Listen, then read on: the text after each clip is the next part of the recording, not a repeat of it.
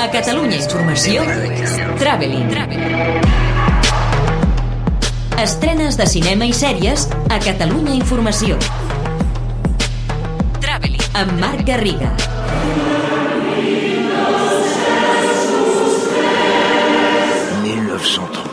Ça te dit quelque chose Per fi, després de tot un periple per festivals, inclòs el de Canes, que li ha reportat diversos premis, arriba a les sales Josep, el film d'animació franco-català que relata l'exili del dibuixant barceloní Josep Bartolí i que està dirigit per un altre dibuixant, el francès Ogel, amb qui parlàvem abans que el film fos nominat a millor pel·lícula d'animació europea. Para mí, el tema principal es el dibujo. Pero hay muchas otras cosas. Hay la lucha contra el fascismo, la historia de la guerra de España, hay el tema del exil, de cómo acogimos o no acogimos los migrantes en 39, pero también cómo se, se trata el tema de, de, los migrantes en Francia, entonces i ara. Una pel·lícula dibuixada més que animada, molt original, emotiva, que confronta els francesos amb el seu paper durant la Guerra Civil espanyola i que retrata l'horror d'aquells camps d'acollida que van acabar sent de concentració.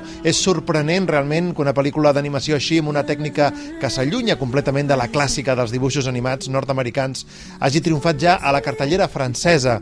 Celebrem-ho. Segur que un dels motius és la seva bellíssima bellíssima banda sonora, obra de Sílvia Pérez Cruz. Llàstima que per qüestions burocràtiques no pot optar als Goya ni als Gaudí. Assassina una hiena, una bèstia humana. Un altre film català arriba a les sales, La vampira de Barcelona, que es va endur el Premi del Públic al Festival de Sitges.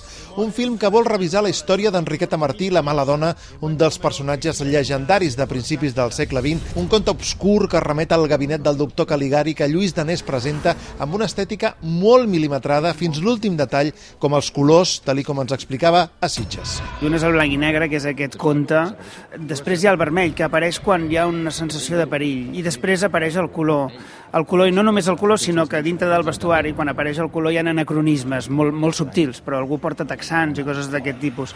I ho he fet per explicar d'alguna manera, simbòlicament, que els prostíbuls on es violen nens encara existeixen. Una obra ambiciosa que resulta guanyadora, amb Nora Navas, Bruna Cosí i Roger Casamajor, entre molts altres intèrprets catalans. Hay momentos en que uno no elige aquella fue la primera vez que pisaba la Tierra del Sur. Les estrenes s'han anat acumulant aquests últims dies i hi ha moltes novetats. Una és El verano que vivimos, una història clàssica d'amors impossibles protagonitzada per Blanca Suárez i Javier Rey, molt recomanable per als amants dels colabrons, una producció molt cuidada basada en una història real que va passar als anys 50 a Andalusia. Una opció ben diferent és En guerra con mi abuelo, un d'aquells films per veure en família amb un Robert De Niro en decadència ja lluitant aquí contra el seu net que se sent envaït quan li pren l'habitació perquè la seva mare el convida a viure amb ells. Una història que, tot i que compta també amb Uma Thurman, Jane Seymour i Christopher Walken, no té gaire condiment, és una mica rutinària i fàcilment oblidable. No com Beginning, la guanyadora del palmarès de Sant Sebastià, una cinta georgiana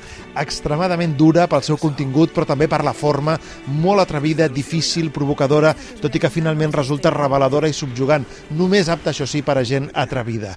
Més fàcil és Volver a empezar Herself, la història d'una dona que lluita contra tots els abusos que l'envolten, els del seu marit, els del mercat immobiliari, el sistema judicial. Seria com un Ken Loach menor dirigit per Philida Lloyd, la de Mamma Mia, que aquí també canta el poder de la dona, que acaba superant totes les dificultats amb l'ajuda de qui l'envolta i l'estima de veritat. Can we all behave as normally as possible? Yeah, okay. Directament a Movistar Plus, dissabte dia 5 arriba la pel·lícula inaugural del Festival de Sant Sebastià, però de l'any passat, que no ha trobat un forat a la cartellera. La decisió de Roger Mitchell, amb Susan Sarandon, Kate Winslet i Sam Neill, un film irregular sobre l'eutanàsia, amb bons moments, això sí, fins i tot de comèdia, però amb una història molt, molt lacrimògena. Des de divendres 4 ja està disponible també a Movistar Plus la increïble història de David Copperfield, una nova adaptació del clàssic de Dickens, amb una brillantor i una extravagància poc habitual habituals per a l'escriptor anglès, potser un pèl massa kitsch fins i tot, amb un Dev Patel exageradament hiperactiu, però al cap i a la fi entretinguda i original. Casimir was found murdered in his Miramar home along with two other people. I pel que fa a les sèries, arriba segurament el millor true crime que s'hagi fet mai a la televisió espanyola. El Estado contra Pablo Ibarra està disponible a HBO des del 4 de desembre, una sèrie documental que revela tot el que envolta el polèmic cas d'aquest nord-americà nacionalitzat espanyol, nebot del boxejador Urtain, acusat d'un triple crim esgarrifós, però que deixa que sigui l'espectador mateix qui jutgi a partir d'imatges inèdites, testimonis, parts del judici, un cas real que sembla una pel·lícula. El 4 també, que és el dia que aterra gairebé tot, també s'estrena Dime quién soy a Movistar Plus, l'adaptació de la famosa novel·la de Julia Navarro, el relat d'una dona que es converteix en espectadora privilegiada de la història del segle XX, des de l'alzamiento fins l'alliberament de Berlín, passant per totes les fases del nazisme. Una superproducció encapçalada per Irene Escolat. Traveling. Estrenes de cinema i sèries a Catalunya Informació, amb Marc Garriga.